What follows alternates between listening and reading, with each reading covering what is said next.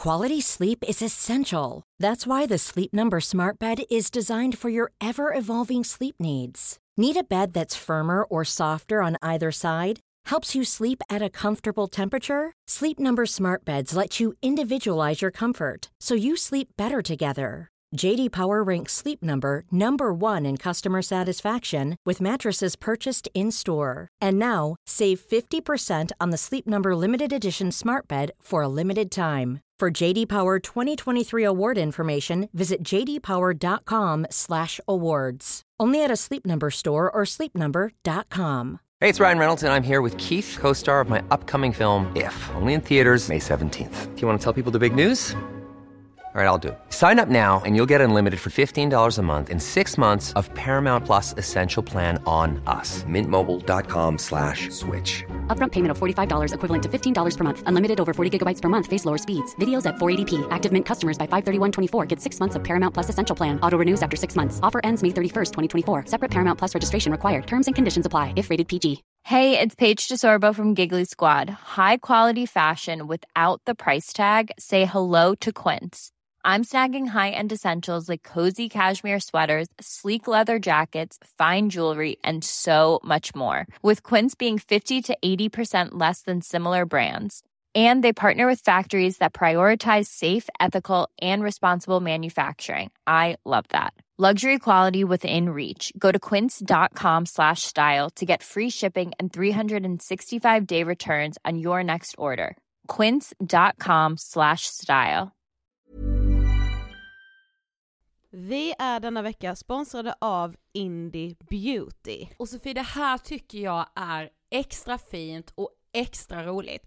Ja men Indie Beauty är ju ett skönhetsvarumärke som jag tror att väldigt många känner till, men det jag älskar mest det är att Indie Beauty liksom vill vara mer än bara produkter, vilket de ju också är. Exakt. Indie Beauty står ju för Independent Beauty, skönhet på dina villkor och för din egen skull.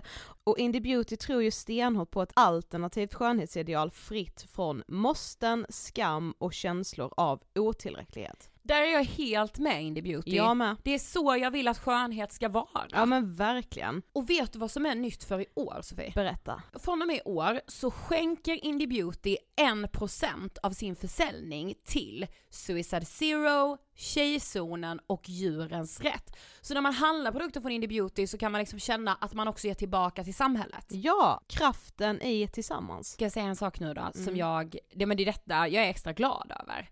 Nu har Indie Beauty tagit fram en keps och den tycker jag ändå så på sommaren, skydda sig från solen. Jättebra, jag älskar kepsen. Men det bästa, de bidrar till Suicide Zeros viktiga arbete för att minska antalet självmord och självmordsförsök.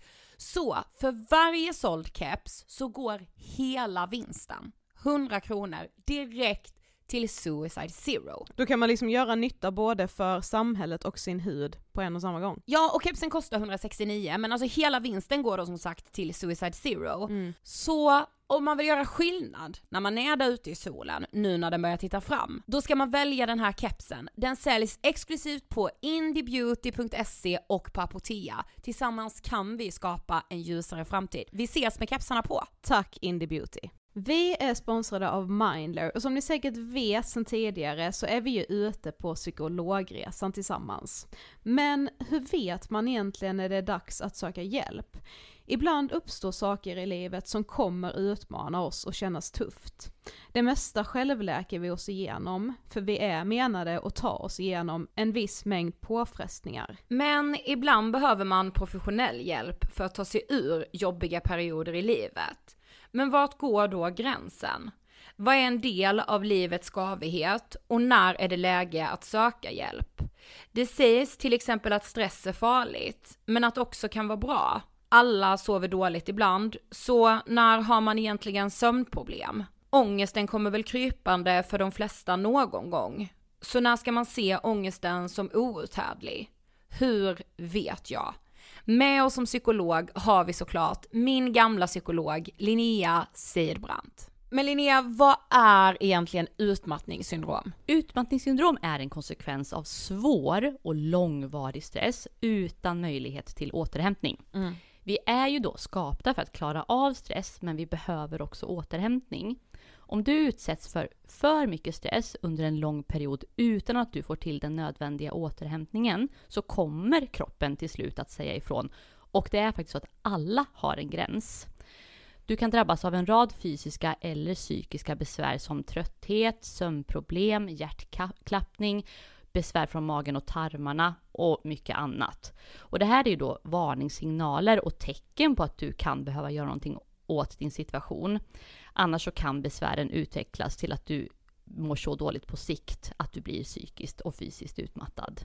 Ladda ner Mindler till din telefon och läs mer på mindler.se.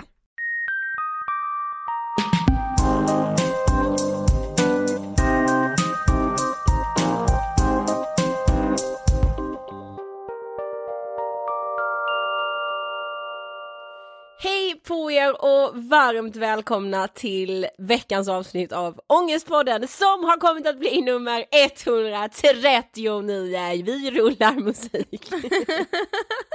Om vi hade varit en radiokanal. Ja. Verkligen. Vad var det du skulle säga idag? Jag är liksom nyfiken. Du sa inte ens hej, du kastade dig över mig. Hej hej!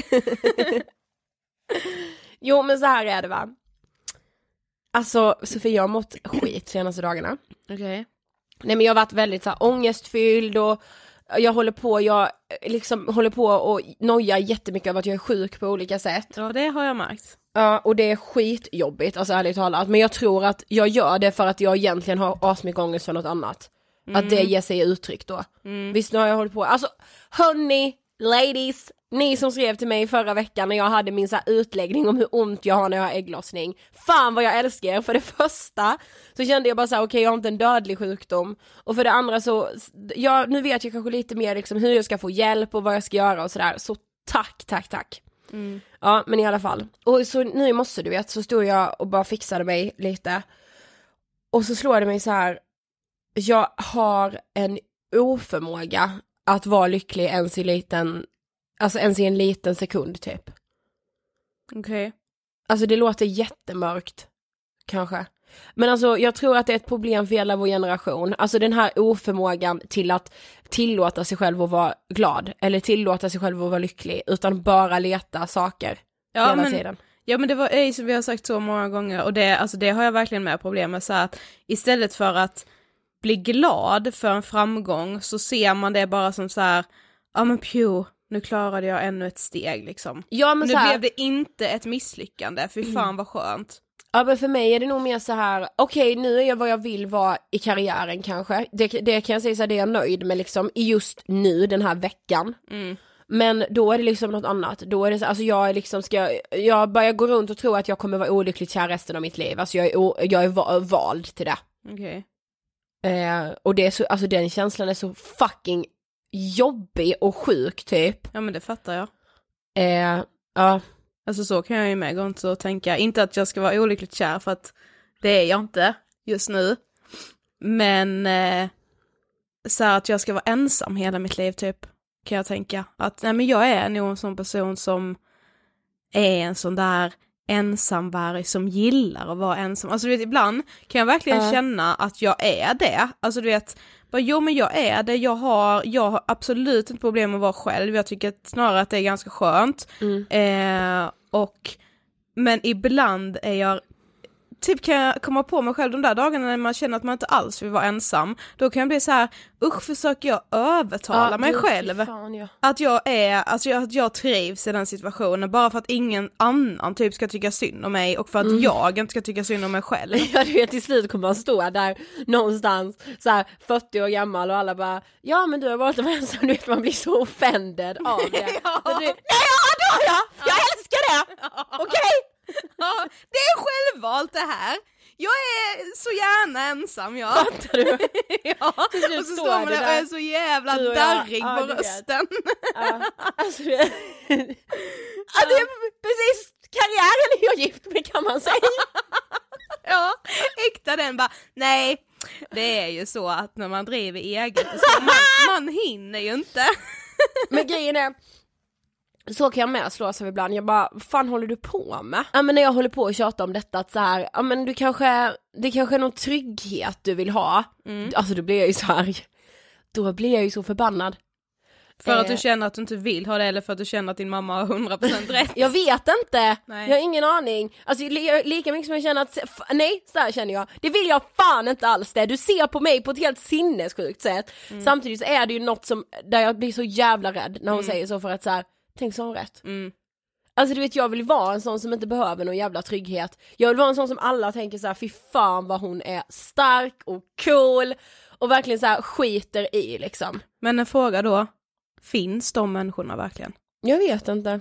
Nej, Jo det tror jag, alltså jo Sofie, jo. Nej jag är inte helt hundra.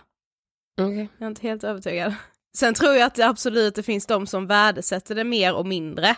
Absolut, men eh, jag vet inte. Men sen behöver ju inte en trygghet betyda att det är den där personen som du är kär i. En Nej nej men jag menar dig. så här, alltså tror du inte trygghet för vissa är just att inte vara bunden till någon? Det är ju Jo, någon, ja, men, är då har man ju nog någon annan trygghet, alltså Ja men det är kanske det som är tryggheten för den människan. Jo för så tror jag att man har ett, en annan sak som är tryggheten, då är det att eh, du har ett jobb som du älskar och som du brinner för, då Men- är din arbetsplats din trygghet. Men kan inte tryggheten vara att sakna trygghet? Fattar du inte vad jag menar? Att bara vara helt fri, att det, det är det tryggaste vissa människor vet. Att men så här, vad bara, jag har ingenting som binder mig till någonting. Alltså så här, trygghet är ju inte synonymt, eller trygghet betyder ju inte att du ska ha en plats eller en person dit du kan vara och där du känner dig lugn. Men jag tror att alla behöver någonting som gör att man känner att man är 100% sig själv. Jag märker ju så mycket. Om jag typ blir satt i en situation där du inte är, ingen vet att jag har ångestpodden, eh, ingen vet knappt vem jag är, då kan jag säga att i de situationerna då vet jag knappt vem jag själv är heller, då är jag så tillbakadragen, så blyg, så jävla osäker och så långt ifrån trygg, för då är jag ju helt plötsligt ingenting. Det kanske handlar, i att jag har, eller handlar om att jag har så sjukt dålig självkänsla eller självförtroende som gör att jag måste veta att någon, någon vet vem jag är i en annan situation. Precis, typ. det tror jag absolut inte alla människor har. Absolut inte. Jag tror snarare det är många människor som är så här, den allra tryggaste punkten, det är när de kommer till en ny stad där så här, ingen känner mig här. Jag kan vara vem jag vill idag. Det är det tryggaste jag vet. Jag vet, jag vet inte, det inspirerar mig bara. Jag önskar att jag var mer så, för jag är ju absolut mer som dig där. Mm. Jag menar bara att jag tror att det finns människor vars trygghet är att inte ha en trygg punkt. Eh, Okej, dagens ämne, ett väldigt önskat ämne. Mm. Eh, idag ska vi nämligen prata om dys, dystemi. Ja, vi visste typ inte hur vi skulle uttala det. Jo men det är dystemi. Ja, dystemi. Eh, och grejen var, vi visste liksom inte vad dystemi var Nej, innan. så första gången vi fick, eller typ så här, de tre första gångerna vi fick mail från er om att vi skulle prata om det, vi bara, vad är det nu igen? Och fick Ja. liksom googla. Precis. Men det står så här. Dystemi, depressiv neuros eller neurotisk depression är en affektiv störning som kan liknas vid en låggradig och långvarig depression. Det är liksom som en, en svag depression som ligger liksom i kroppen under en längre tid. Typ. Ja, för det står så här med. Dystemi är ett kroniskt tillstånd, det vill säga ett tillstånd som varar i minst två år av en mild depression. Och jag tror, det känns som att många av er som har eh, mejlat och önskat om det här ämnet har liksom också blivit typ förvånade när ni har fått den diagnosen för att man har inte haft en aning om att den finns. Precis. Och jag, liksom, jag tror det är så många som så här går runt och känner den här svaga nedstämdheten men som alltså känner verkligen så att men mitt liv fungerar ju liksom, Mm. jag går ju upp, jag går Precis. till skolan, jag går till mitt jobb men jag känner mig liksom inte glad. Men att man säger bara men jag är ju inte deprimerad för att Nej. alla de symptomen stämmer verkligen inte in. Nej, precis. Men då kan det vara så att man har dystemi. Exakt. Vi poddade ju med Cecilia som fick dystemi när hon skulle börja ettan. Mm. Ehm, och, eller hon fick det nog i ettan. Och jag eh, tyckte liksom, alltså det kändes så jobbigt, fattar du vad jag menar? Ja men så här eh, vilset typ. Mm. Eh, och Cecilia hade ju inte heller hört om diagnosen dystemi när Nej. hon fick den, så hon hade liksom ingen aning om vad det typ innebar, men på något sätt, jag förstår ju verkligen den, vilken lättnad det måste vara när man känner så här, bara, men det är någonting som inte stämmer, men nej jag är Precis. liksom inte deprimerad. att då bara en läkare eller en psykolog säger till en att nej men du har den här liksom nedstämdheten och det finns liksom en diagnos för det här. Ja, så här, mer det finns en förklaring typ. ja precis. Sen har ju Cecilia kämpat med andra former av psykisk ohälsa också. Mm. Och hon har ju faktiskt, som hon sa till oss, hatat skolan. Mm. Vilket jag tror extremt många kan relatera till. Mm. Att känna att man liksom inte hör hemma där.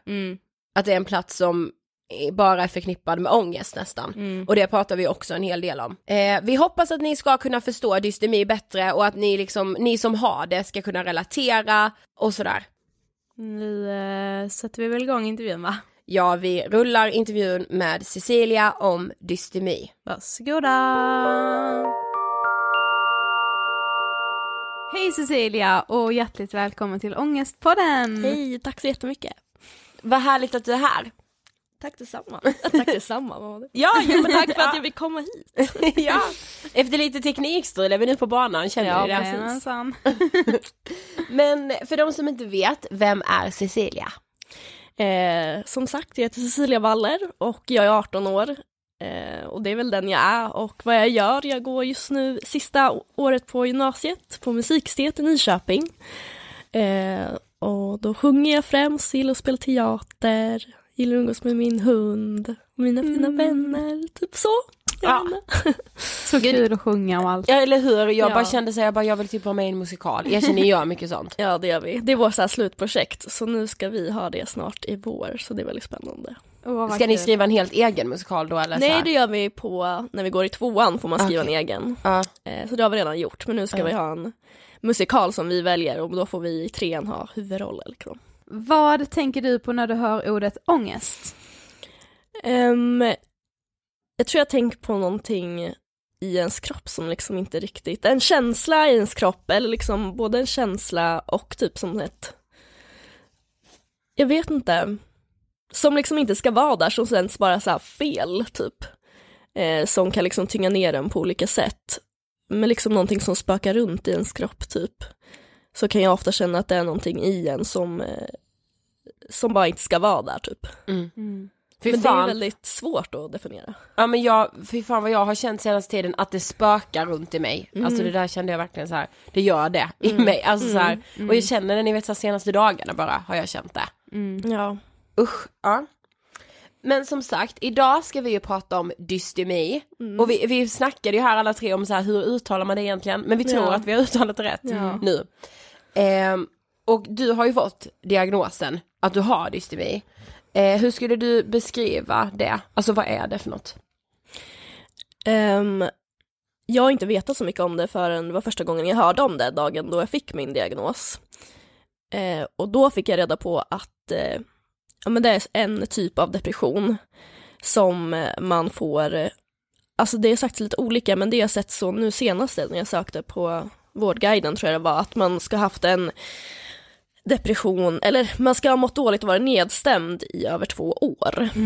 Eh, och det är inte att man då att man har en djup depression i liksom över två år, utan en lite mer alltså lättsam, eller man är liksom allmänt nedstämd typ. Ja, vi läste med så det är typ kronisk nedstämdhet. Ja, precis. Mm.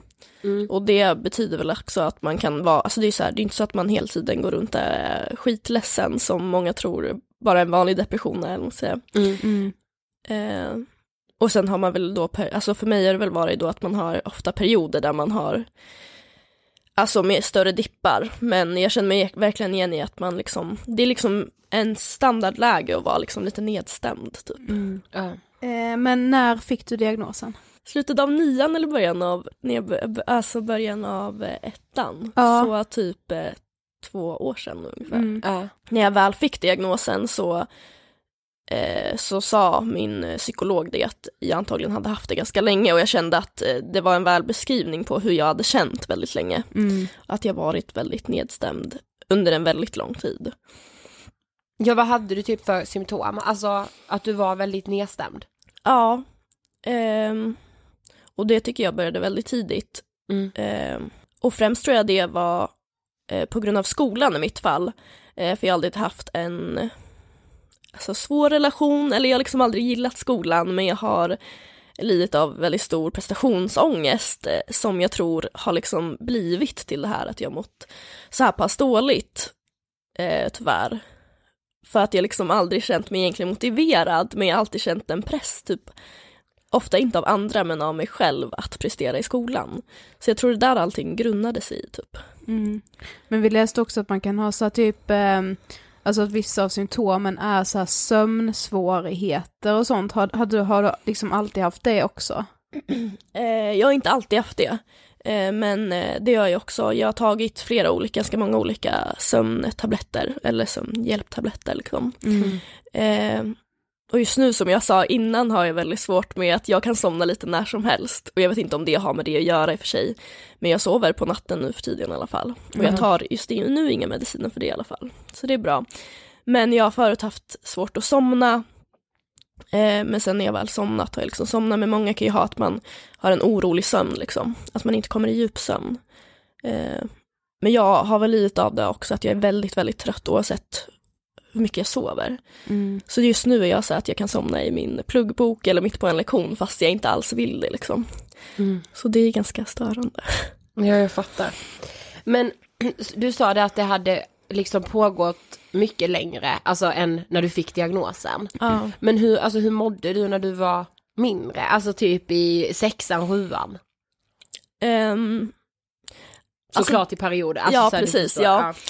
Eh, men jag tror att, jag skrev till er också, eh, att jag tror att det var i sexan, sjuan där någonstans jag började få den, alltså om jag själv liksom diagnostiserar mig själv och det ska man ju inte göra men ungefär, eller där jag kan tänka mig att jag blev mer nedstämd än vad jag var innan de åren. Eh, och jag har alltid varit väldigt eh, försiktig och ganska blyg.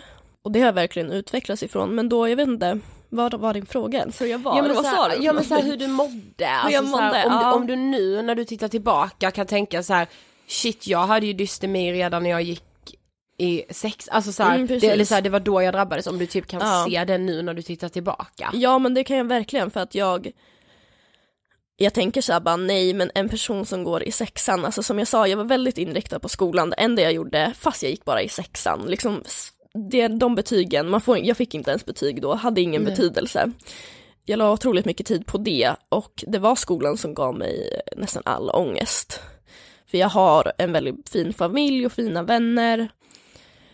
Eh, något mer som jag också, jag hade verkligen svårt att så här, men säga nej till personer, alltså jag kunde gå in i typ så här, alltså relationer med vänner eller som jag liksom är, alltså inte var destruktiva, men jag vågade aldrig säga nej till personer liksom som jag så här, nej men jag trivs faktiskt inte med den här personen, eller att den men inte var taskig mot mig, men ni vet man liksom så här, man bara, man får inte någonting ut av den relationen. Nej men vissa relationer man bara- tar ju verkligen Ja mer men exakt, och så var det för mig.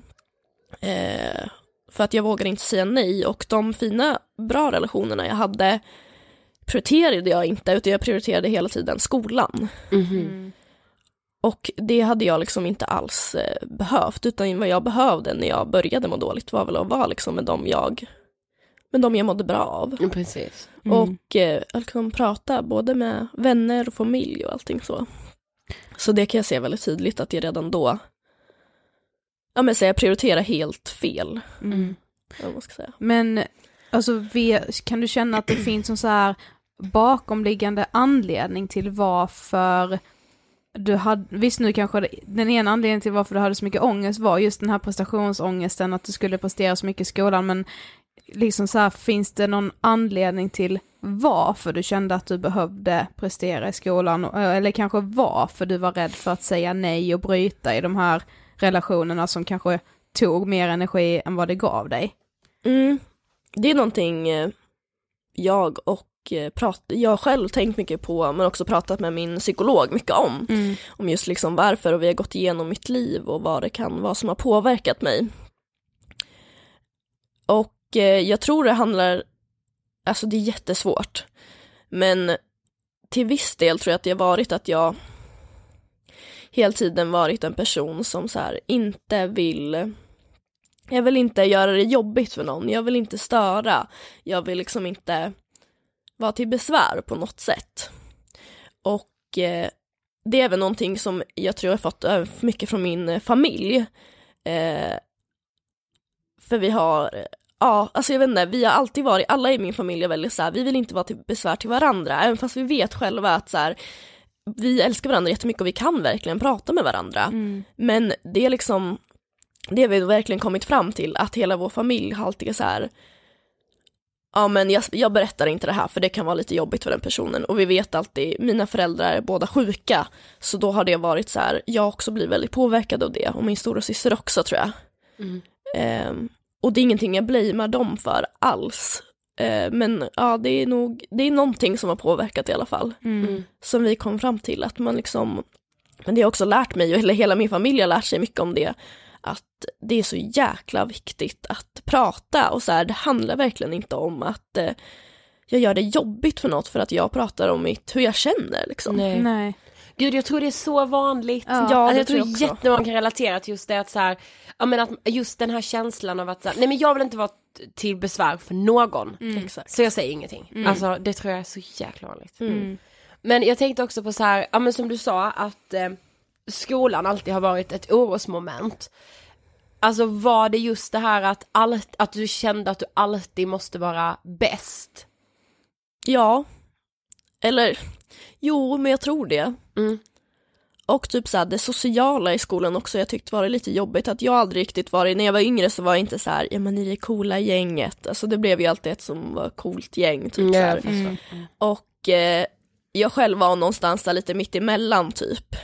Och det handlade så mycket om så här, ja men vad killar sa om en, det har påverkat en så jävla mycket, tyvärr, Ja. fast man verkligen inte vill det. Nej gud det påverkar mig fortfarande. Ja, Ja. men för mig också, det är saker som de sa då som påverkar mig än idag liksom. Mm. Som jag sa, som jag sa, de sa till mig när jag gick i typ fyran. Mm. Vilket är så jävla sjukt men Men jag tror typ alltid att jag så här, ja men jag vågar liksom inte riktigt stå upp för mig själv tror jag. Och att jag kände så här bara att typ skolan var det enda som så här, ja men typ också så här som samhället och som är en tydlig grej att så här, det här är någonting viktigt du ska prestera i. Och det var typ det enda som jag kunde fokusera på för jag förstod nog inte riktigt så här.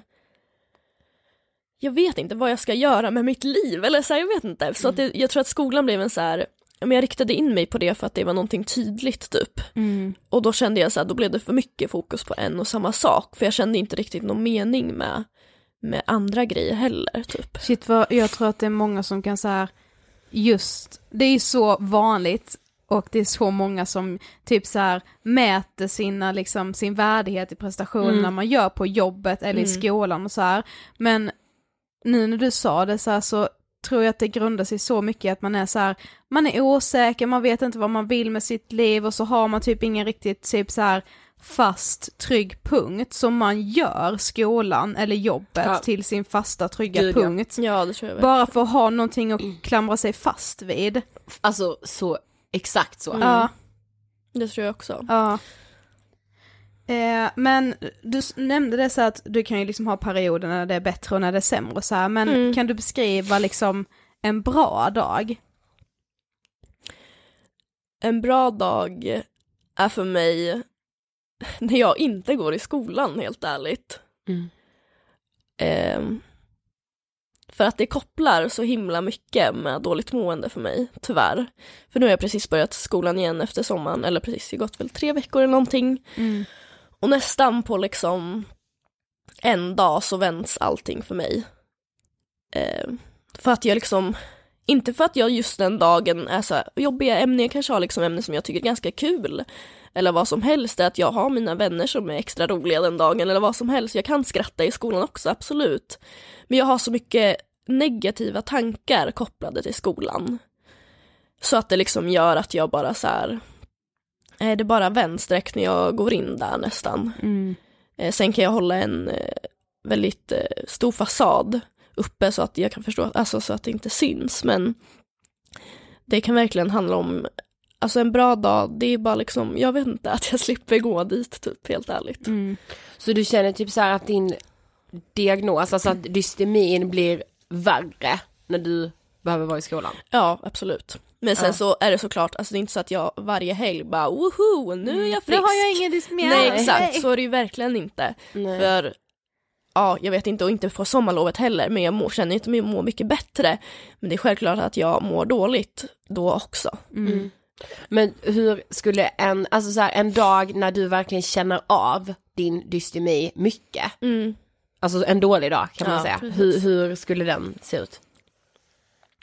Eh, för det första så, eftersom jag då också är väldigt trött, så kan jag ofta ha väldigt svårt att gå upp på morgonen.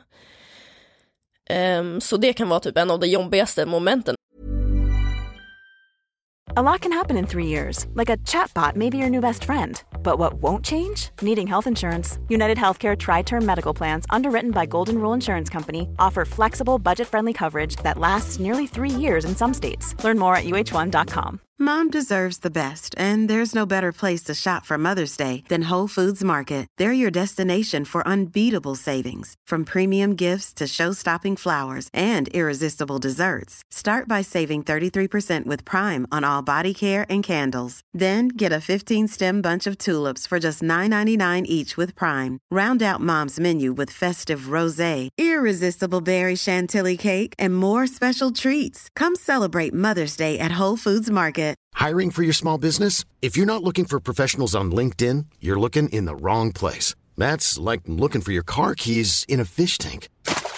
LinkedIn helps you hire professionals you can't find anywhere else, even those who aren't actively searching for a new job but might be open to the perfect role. In a given month, over 70% of LinkedIn users don't even visit other leading job sites. So start looking in the right place. With LinkedIn, you can hire professionals like a professional. Post your free job on linkedin.com/people slash people today. nästan att komma upp på morgonen. ehm, att det bara känns så jäkla tungt i kroppen liksom. Och att det är just det man ska göra då är att så här, ja men nu ska jag upp och jag ska till skolan. Och det är så här, jag kan typ inte se det positiva i så här, jag ska träffa mina vänner som vissa säger så här, ja men det får jag ändå göra. Mm. Och jag har jättefina vänner i skolan, jag trivs i min klass, jag trivs på min linje men jag kan liksom inte se, jag kan inte se det, det spelar ingen roll. Och det spelar ingen roll om jag kommer till skolan och de får mig skratta ändå, för jag, det är ändå den här, ja men den här nedstämdheten som alltid är där typ.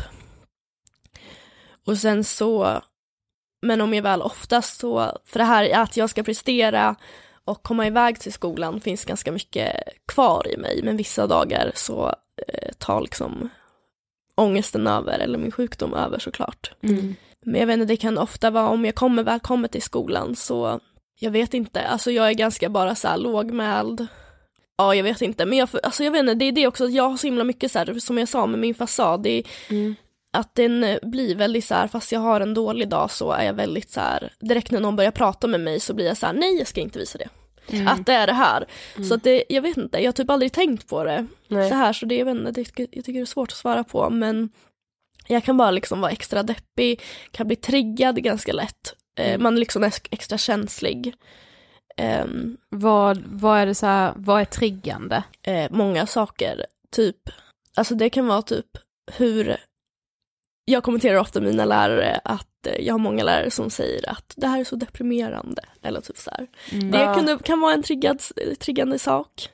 Eh, det kan vara att jag ser någon annan må dåligt Ja. i skolan eller alltså social, sociala medier påverkar mig också väldigt mycket. Eh, som det gör på de flesta. Mm. Alltså Ja, någon, gud ja. ja. eh, och det kan ju också vara jättepositivt men det är liksom ofta så här och det är så lättillgängligt till att typ så här, ja men alltså att här, se destruktiva saker på internet och det kan göra mig väldigt triggad. Eller direkt om jag ser typ någon person som har skurit sig eller någonting sånt, det kan också Mm. trigga mig och det, det gör det ganska, det är någonting som jag blir väldigt triggad av väldigt lätt. Ehm, inte, och det är liksom så här, jag har, inget, jag har inget emot att folk visar upp eh, sina ärr eller någonting, det får man verkligen göra det jag tycker att man ska göra. Liksom. Ja. Jo men jag fattar. men, att jag, men tyvärr så blir jag triggad av Ja, det. precis. Men liksom, ja.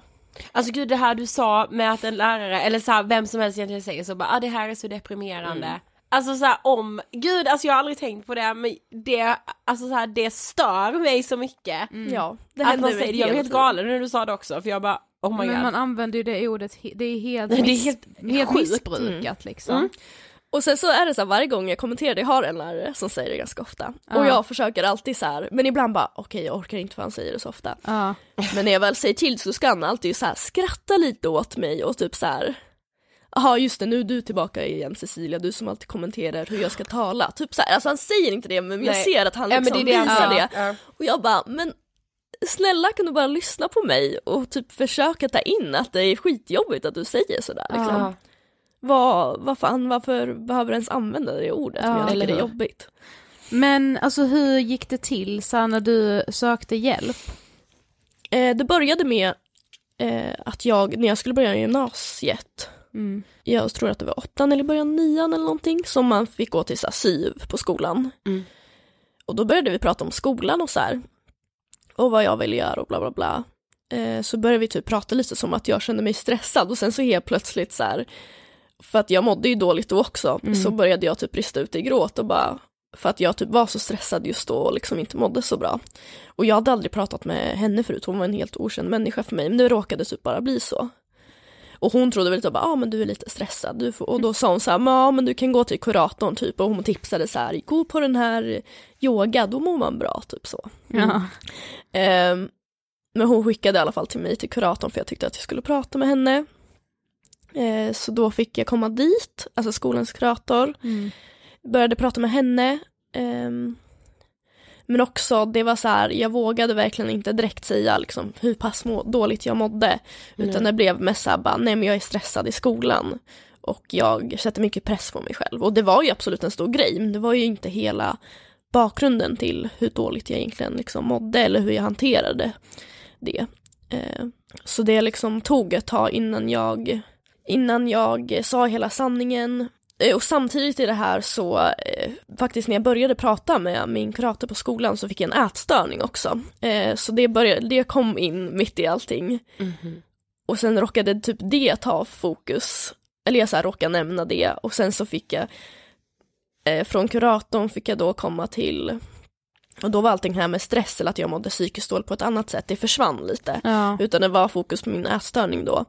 Ehm, då fick jag komma till skolsköterskan och väga mig och prata med henne lite grann några gånger och sen så fick jag träffa skoldoktorn och då skickade de en remiss till BUP.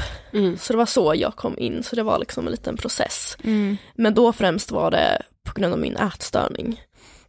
Eh, och inte liksom eh, dystemi, eller som jag då antagligen hade redan då. Ja. Mm. Men hur gick det till då när de ändå fastställde den diagnosen? Alltså så här vad... Eh, det, som sagt, det tog ett tag. Jag gick, jag gick kanske på BUP i alla fall, ja men i alla fall ett år innan jag fick dystemi för att vi, eller de la, började la fokus på min ätstörning. Mm.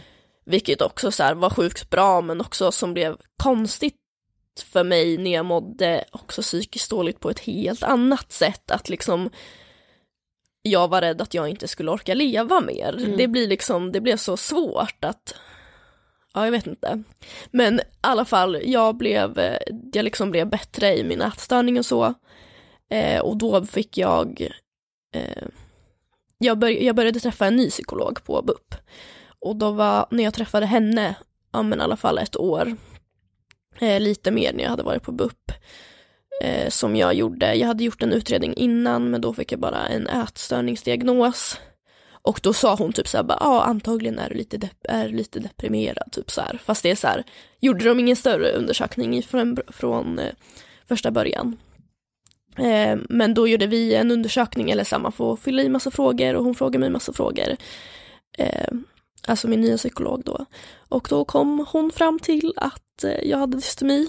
Och ja, som sagt att jag nog hade haft det liksom en längre tid. Men vad fick du för hjälp efter det då liksom? Jag fick eh, fortsätta träffa den här psykologen.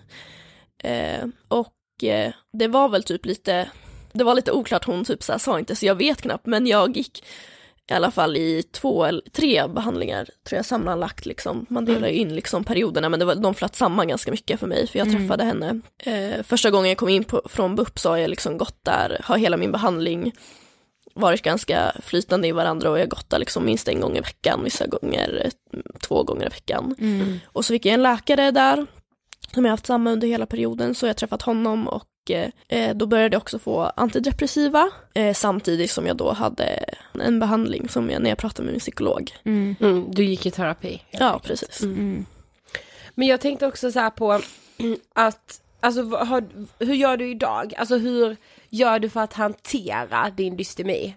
Alltså att leva med den Mm. liksom. Jag försöker, jag har verkligen blivit mycket, jag har fått otroligt mycket hjälp av den psykologen jag haft nu senaste tiden. Mm. Men nu har jag fyllt 18 så då har jag fått sluta på BUP så då har det verkligen blivit en helt annan eh, grej. Mm. Så sen dess har det förändrats ganska mycket. Eh, och ja, men jag har valt att inte gå och fortsätta i terapi just nu i alla fall. Mm. Eh, och då har jag väl, jag vet inte, när, man, när jag slutade på BUP så fick, skrev man en, liksom så här, saker som jag ska tänka på. Eller så här, om jag mår dåligt, om jag går tillbaka i något destruktivt jag har gjort eller så här, Mm. vad som helst. Eh, och jag försöker väl, jag har aldrig tagit upp det pappret egentligen, men jag försöker tänka på så här, det som, som, tilltalade mig mest när jag pratade med min psykolog, eh, försöker jag väl tänka på. Mm. Ja, jag vet inte, det, här, det är verkligen heller ingenting att bara så här kämpa sig igenom. Eller bara ta sig igenom. Men det känns som just nu så här, när jag går i skolan så känns det typ som jag bara, jag tar dag för dag typ. Mm. Verkligen. Det känns nästan som så här, jag inte kommer kunna fokusera på att bli helt frisk. Alltså helt, helt, alltså jag, är, jag mår mycket bättre nu än vad jag har gjort verkligen. Mm. Eh, men att bli liksom, att fokusera bara på liksom att må bra på en själv förrän jag går ut skolan typ. Mm. Tror jag, jag vet inte, men ja. Men vi tänkte också så här att, alltså alla har ju perioder när man mår skit liksom och det kan Mm. vara vid olika anledningar, liksom någon sorg eller typ så man är hjärtekrossad eller vad som helst. Hur upplever du, alltså så här, hur blir det för dig att gå igenom någon sån här, säg liksom typ en sorg, när du Mm. redan liksom är nedstämd? Är det liksom ännu svårare? Alltså förstår Mm. du hur vi menar? Ja, jag förstår. Ehm, det är väldigt olika. Alltså på ett sätt så tycker jag faktiskt inte, alltså en så här större sorg, att det inte faktiskt drabbat mig mer än vad någon annan, eller att man kan tänka sig att det är ännu jobbigare. Jag faktiskt inte uppfattat det så, utan det kan vara mer nästan eller alltså det är mer så här med många små saker eller en stor sak och många andra, alltså så här, det är när mycket typ händer. Mm. Men det kan också vara, det kan ju också grunda sig i att någonting stort eh, har hänt eller vad man ska säga. Mm. Att, att det liksom gör att man mår att man mår ännu sämre liksom. Mm. Men inte, inte så liksom jättetydligt tycker jag ändå. Nej. Har du haft lätt för att vara öppen med att, med att du har dystemi? Nej, inte alls. Ehm, jag har aldrig liksom, det tog ju väldigt lång tid innan någon fick veta att jag liksom mådde dåligt. Mm. Och innan jag hade min diagnos också liksom. Och när jag har pratat med mina vänner liksom nu innan typ, eller så bara mina närmaste i familjen, så har de inte ens vetat att jag har haft den här diagnosen. Ehm, för att jag säger, alltså jag vet inte, jag, har bara, jag har bara inte sagt det. Ehm, och det är verkligen, ja men det är många av mina vänner som jag tror inte ens liksom vet om. Alltså de kanske har någon aning om att så här, ja men Cecilia hon är väl lite deppig ibland eller jag vet inte. Men Mm. så här, att jag just har en diagnos eller att jag har fått eh, gått behandling och ätit antidepressiva, det tror jag inte så många vet.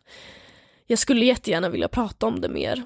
Men det är ju så sjukt för att det är så här, så vet ju jag med att jag kan ha tänkt så här att, ja men den personen är en sån som är lite nedstämd Mm. ibland, men man har ju bara sagt det som så för att man vet inte att, ja och det kallas dystemi, det Ja, är precis, liksom en exakt. diagnos. Man kan ju vara lite nedstämd och deppig såklart utan att ha det. Ja. Men så här, det kan ju faktiskt också vara så att man har en diagnos, alltså som du, i ditt fall liksom. Precis. Mm. Ja. Men nu är du väldigt stark som pratar om det tycker jag. Ja. men jag tror att det känns väldigt bra, jag tänkte på det innan. Eh, att det känns sjukt bra att komma hit och så här, jag har inte varit så öppen om det, men så här, nu tänkte jag bara, ja men nej nu jävlar liksom. Ja, För att jag, ja men exakt. stark. För Ja, att eh, det är ju jobbigt att prata om absolut, men jag har egentligen inte när jag väl börjar prata om det nu tycker jag inte att det är alltså, jobbigt så liksom. Nej. Utan det är ju bara att det är en sån tabu över liksom, psykisk ohälsa och Mm. det ligger inte i vanliga så här samtalen. Typ. Exakt. Nej precis. Och det Utan- måste det fan göra. Ja, eller hur? Alltså det är Ja. så himla Men då kanske Ja. du inte har stött på, vi tänkte så här, har du stött på mycket fördomar kring dystemi? Men det kanske du inte har gjort då eftersom du kanske inte har pratat så mycket om det. Nej, eh, jag har ju knappt nämnt det till någon och om jag sagt det så har det varit så här. Eller typ nu när jag sagt att jag ska vara med här och så här, ja Mm. jag ska prata om dystemi. De bara jaha, alltså det är inte någon som har sagt ja men den sjukdomen. Eller så här, som jag själv, jag har ju inte vetat vad det är innan heller så det har jag inte mött på faktiskt. Nej. Nej. Okej, vi har kommit till sista frågan. Yes. Vad inspirerar dig? Ehm, min eh, stora syster inspirerar mig och mina föräldrar jättemycket. Mm. Men också personer som liksom kämpar för jag vet inte, typ som så här, som ni två som kämpar för att samma ska få prata om psykisk ohälsa. Eller personer typ som Freja Lindberg. Och typ Stina Wolter, alltså så här kroppsaktivister. Ah. Och hbtq-aktivister, alltså jag vet inte. Mm. Som verkligen kämpar för ja, men folks rättigheter, liksom allas lika värde typ. Fan vad glad jag blir. Ja. Det- Ja. Alltså verkligen. Tack så jättemycket för att du vill gästa Ja, men tack så jättemycket själva. Alltså jag tror det är så många som kan känna igen sig i hela det här som Cecilia berättar om att man liksom typ inte, man har liksom den här låga känslan i kroppen Mm. som också då gör att man så här helt plötsligt lite glömmer bort sitt eget värde, Ja, kan helt alltså- plötsligt inte säga nej till folk eh, eller till saker och så här har så mycket personer i sin omgivning som bara, bara tar energi. Ja du verkligen. Men eftersom man inte kan slita sig från de relationerna så fortsätter det bara. Alltså, Ja men har du varit, alltså har du varit en sån person? Eller har du, kan du känna att du har haft såna personer omkring dig? som är så låga eller vadå? Nej men som inte kan säga nej och som så här. För jag vet nämligen när jag gick i typ på mellanstadiet så Mm. hade vi en tjej som alltså hade väldigt svårt för att säga nej Mm. till saker och då blev det liksom att alla utnyttjade det på Ja. något sätt. Alltså jag vet att jag har gjort det själv liksom. Mm. Eh, att så här Nej, alltså jag kan inte säga att jag minns någon sån person. Eh, Och så kan man ju vara utan att ha dystemi, herregud nu menar vi Ja. inte att koppla ihop det men nu pratade vi om det också i intervjun liksom. mm. ja, men jag tror att så många kan känna igen sig i det. Mm, ja och sen så tror jag med, alltså det är helt sjukt att man inte vet mer om dystemi. Det står så här den okända folksjukdomen när jag googlade. Mm. Jag bara, ja okända kan man ju lugnt säga och om Ja. det är en folksjukdom är det helt sjukt att inte prata mer om det. Mm. Jag hittade ju en artikel där det stod så här hur pass vanligt är det? Mellan 6 och 10 procent av befolkningen drabbas. Mm. Det är ju jättemånga. Det är extremt många. Det är bara återigen så jävla konstigt hur man inte kan, alltså så här, för att jag tror också att när man är liksom, som Cecilia också berättade att hon har haft mycket ångest liksom typ hela sitt liv och så här, hon mådde väldigt dåligt redan liksom under högstadiet. Men att det liksom under gymnasiet, då är det så jäkla mycket snack om liksom framtiden och bla bla, man börjar liksom ändå, börjar bli lite mer vuxen, Ja. även ifall, ifall jag tänker tillbaka på om jag på gymnasiet så var jag verkligen child. Ja. Men det är liksom då man borde prata om allt sånt här för att det är nog då man kan börja märka på riktigt att ja, men jag är ju liksom nedstämd, alltså så här, det är då man kan hitta de orden, alltså så här, jag hade väl aldrig tagit ordet nedstämdhet i min mun ens när jag gick på högstadiet. Nej typ i sjuan. Ja, Absolut inte jag Nej. heller. men det är liksom sådana ord och så så här liksom man pratar lite mer med det språket kanske när man går i gymnasiet och man, man kanske läser lite mer typ psykologi eller något så här. Det är bara så jäkla konstigt då hur man inte kan prata om sådana här saker. Jag vet. Irriterar mig varje gång. Ja, det är så jävla irriterande. Men eh, tack så hemskt mycket Cecilia för att du kom och berättade om dystemi och gästade oss. Yes. Eh, veckans hiss. Veckans hiss! Jag kan inte fatta att man inte har en jingel för den ännu. Vill någon göra en jingel till vår veckans, hiss? Maila den i sådana fall Det till... eh, ding, ding, ding. Oj det var en helt annan låt. Det var ju ding ding ding ding ding, här glider ingen in. Du jag har så konstig hiss, du kommer tycka det här är skitkonstigt. Så. ja. Nej du kommer fatta den, men den är lite long shot. Eller det krävs sin förklaring. Okej. Så här vill jag hissa. Nu, vi går ju liksom, håller på jättemycket, vi ska på 90-talsfest när vår bästis Jossan fyller år. Ja. Ska, hon har 90-talsfest, vi ska dit. Vi ska dit, bara vi är bjudna, jag och Adam. Tur. Nej men typ så här. Ja och jag och vi har ju hållit på skitmycket med 90-talet nu liksom. Eh, och vi kollade till och med Spice Girls filmen, alltså Spice Life i eh, söndags. Och jag älskar Spice Girls, vet du vad jag vill hylla? Och som vi borde bara ta del av nu, när allting är så skevt. Idealet, 90-talsidealet. För det var, det var så jävla diffust. Det var liksom inte det här solklara Victoria's Secret fashion show. Nej. Det, som det idealet tycker jag ver- verkligen är så starkt präglat idag, vad vi än är. Så kollar man på tjejerna i Spice Girls, de har helt olika kroppar, helt olika, alltså allt är verkligen så här. jag förstår att jag var så sund när jag var så ung eftersom Spice Girls var mina största idoler.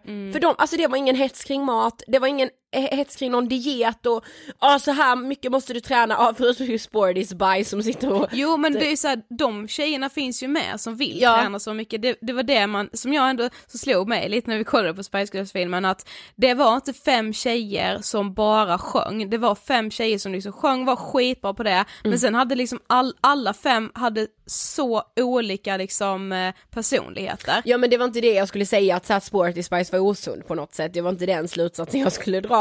Men jag menar så här, förutom Spice som alltid satt på träningscykeln, men Mm. hon var ju inte osund för det, alltså så här, för hon gjorde ju det, hon satt och snackade lite så satt hon den, alltså det var ingen hets kring någonting. Nej. Det var inte det att alla byttes av på den jävla träningscykeln för så här, bara, ah, Det var gud, så här, samtidigt som hon sitter där och cyklar så sitter Emma och slickar på sin klubba som och vanligt, gungar liksom. typ. Ja. Ja, nej men alltså jag blev helt, eh, alltså när vi upptäckte det med liksom hur de såg ut, hur deras liksom kroppar, alltså de var ju före sin tid på något sätt i liksom hela den här feministiska kampen, alltså allting. Mm. Fan jag älskar Spice Girls, förstår du? Hade de ju återförenats, I'll be there. Men Alltså, tydligen så först på hade ju tre av dem gjort det, Ja, tre, eh, Mel B, Emma och Gary. hade jag helt missat. Ja, jag Men med. då är det inte riktigt samma grej. Nej, Det ska vara alla eller inget. jag vill ha alla. I Mm. typ såhär, ja, jag- alltså jag hade varit där direkt, Tele2. I giving you anything. Aj fy fan, de var så jävla bra. Ja, okej, min hiss då. Fattade du hissen? Ja, jag fattar. Mm. Mm. Eh, jag skulle vilja hissa, eh, idag har nämligen, eller idag, idag när vi poddar detta, idag är det tisdag, Mm. så har Musikhjälpen släppt årets tema. Och årets tema är Barn är inte till salu. Ja fy fan vilket bra tema. Ja, alltså vi har ju pratat om det en del i podden och kommer göra det mer framöver också. Men eh, vi har ju pratat om barnsexhandel. Alltså det är ett av de ämnena som ligger mig närmast hjärtat efter faktiskt, Ja. efter den intervjun med Ecpat. Ja. Maria från Ecpat, jag glömmer det aldrig alltså. Jag var helt, alltså jag var helt, ja vi pratade om det igår bara, efter den intervjun, jag var som i någon dvala alltså. Mm. Ja men Eh. förstå att varje minut säljs fyra barn i Precis. sexhandeln. Alltså det är liksom, det är typ för svårt att greppa så man fattar inte det och att barn liksom typ tvingas sälja sina kroppar för att det är en, en familjernas enda sätt att försörja Precis. sig liksom. Alltså det är så jävla jävla hemskt. Och jag blir så eh, glad när ett sånt stort forum som Musikhjälpen, vi är också stora men många sa ju till oss när vi tog upp barnsexhandeln att så här, det där, det är för mörkt. Ja. Jag, jag myggar av, nej men jag stänger av liksom för att man inte, man, man menar på då att nej det där är för mörkt för mig för, för att titta på, det är det värsta jag vet när jag hör sånt. Ja alltså men jag blir många, nästan sa, många frustrerad. sa ju faktiskt såhär bara åh er serie om prostitution var så bra men jag kunde inte lyssna på det om barnsexhandel. Det är din förbannade skyldighet vill jag bara som säga då. privilegierad människa att Ja, sitta och lyssna på det. talat. Du kan nog stå ut om man jämför med vad de barnen Ja får stå ut. precis, är det jobbigt för dig så tänk en gång till. Därför blev jag så glad att det är det Musikhjälpen ska lyfta. Ja. För jag, jag, det kommer säkert vara jättemånga som bara, nej det där fixar jag inte. Men man kan inte säga så, för Nej. man lever, alltså så här, du kommer kunna krypa ner i din säng och du kommer inte behöva sälja din kropp. Vissa av er som lyssnar på det här kanske visst det, behöver göra det. Eh, så jag ska inte säga att alla som lyssnar inte behöver det. Men de allra flesta som lyssnar eller kollar på Musikhjälpen i Sverige behöver inte göra det. Lite de som säger att det är för tungt att lyssna på behöver ju inte sälja sig själva eller sina barn. Precis. Så är det ju liksom. Så vi bara läxar upp folk. Nej men jag, Nej, men jag det är blir förbannad när jag Det är hör det det. värsta jag vet när Ja. folk säger sånt. Nej det är nästan lite för tungt alltså. Man bara okej, Mhm. men vet du vad? Gå hem, sätt på Jeopardy eller något annat skit. Eh, Nej njut. gud jag älskar Jeopardy, nu menar jag inte så. Men det finns det ens fortfarande. Didi. Ja, du, du. ja. Du, du, Okej, ja. Älskar Jeopardy. Mm. Ja, nej men alltså du fattar, Ja. jag ja, äl- älskar verkligen Musikhjälpen för att de gör det. Mm, jag längtar redan tills det ska dra igång. Det är Jag liksom ändå lite årets höjdpunkt. Jag hoppas vi får gå in i buren i år igen. Ja, det hade varit kul. Det var det mest nervösa. Shout out. Det var ju så nervöst när vi var där inne Ja, fy fan. förra året. Okej, tack för att ni har lyssnat på dagens avsnitt. Ja, tack så hemskt mycket för att ni är med oss. Nästa vecka har vi en gäst. Yes, glöm inte att följa oss i sociala medier så får ni reda på lite tidigare vilken gäst det är. Exakt, eh, där heter vi Angestpodden. Yes. Och om man vill följa mig så heter jag Ida Hockerstrand. Och jag heter Sofie Hallberg. En, nästa veckas gäst så tycker jag liksom, ja, jag vet inte, jag älskar ju personen väldigt mycket. Mm. Ehm, intervjun var väldigt intressant. Mm. Ämnet är, Ämnet är väldigt, väldigt intressant. intressant, Det är Ja. liksom allt ifrån eh, sex, porr och eh, könsroll. Känslor. Ja, jag skulle säga könsroller. Ja. Och du sa känslor. Mm. Precis. Ja, ja, ni får se nästa vecka. Hej då alla underbara personer. Ha det bäst. Hejdå! Hejdå!